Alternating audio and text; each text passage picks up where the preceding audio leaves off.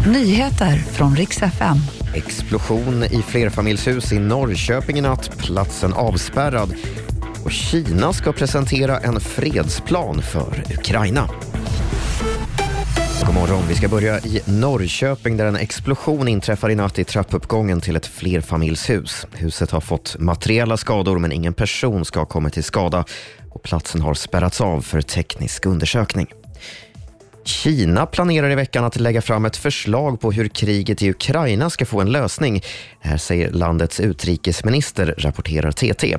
I ett tal säger han att Peking är djupt oroat över konflikten och att man kommer att komma med förslag på en politisk lösning, men att man samtidigt uppmanar andra länder att sluta skylla på Kina. USA har ju anklagat Kina för att vilja skicka vapen till Ryssland, något som Kina har förnekat. Och till sist ska jag berätta att Benjamin Ingrosso ska ut på stor turné i sommar. 22 stopp blir det mellan juni och september och med sig kommer han ha ett sjumannaband på scen. Biljetterna släpps idag på förmiddagen. Det var de senaste nyheterna och jag heter Robin Kalmegård.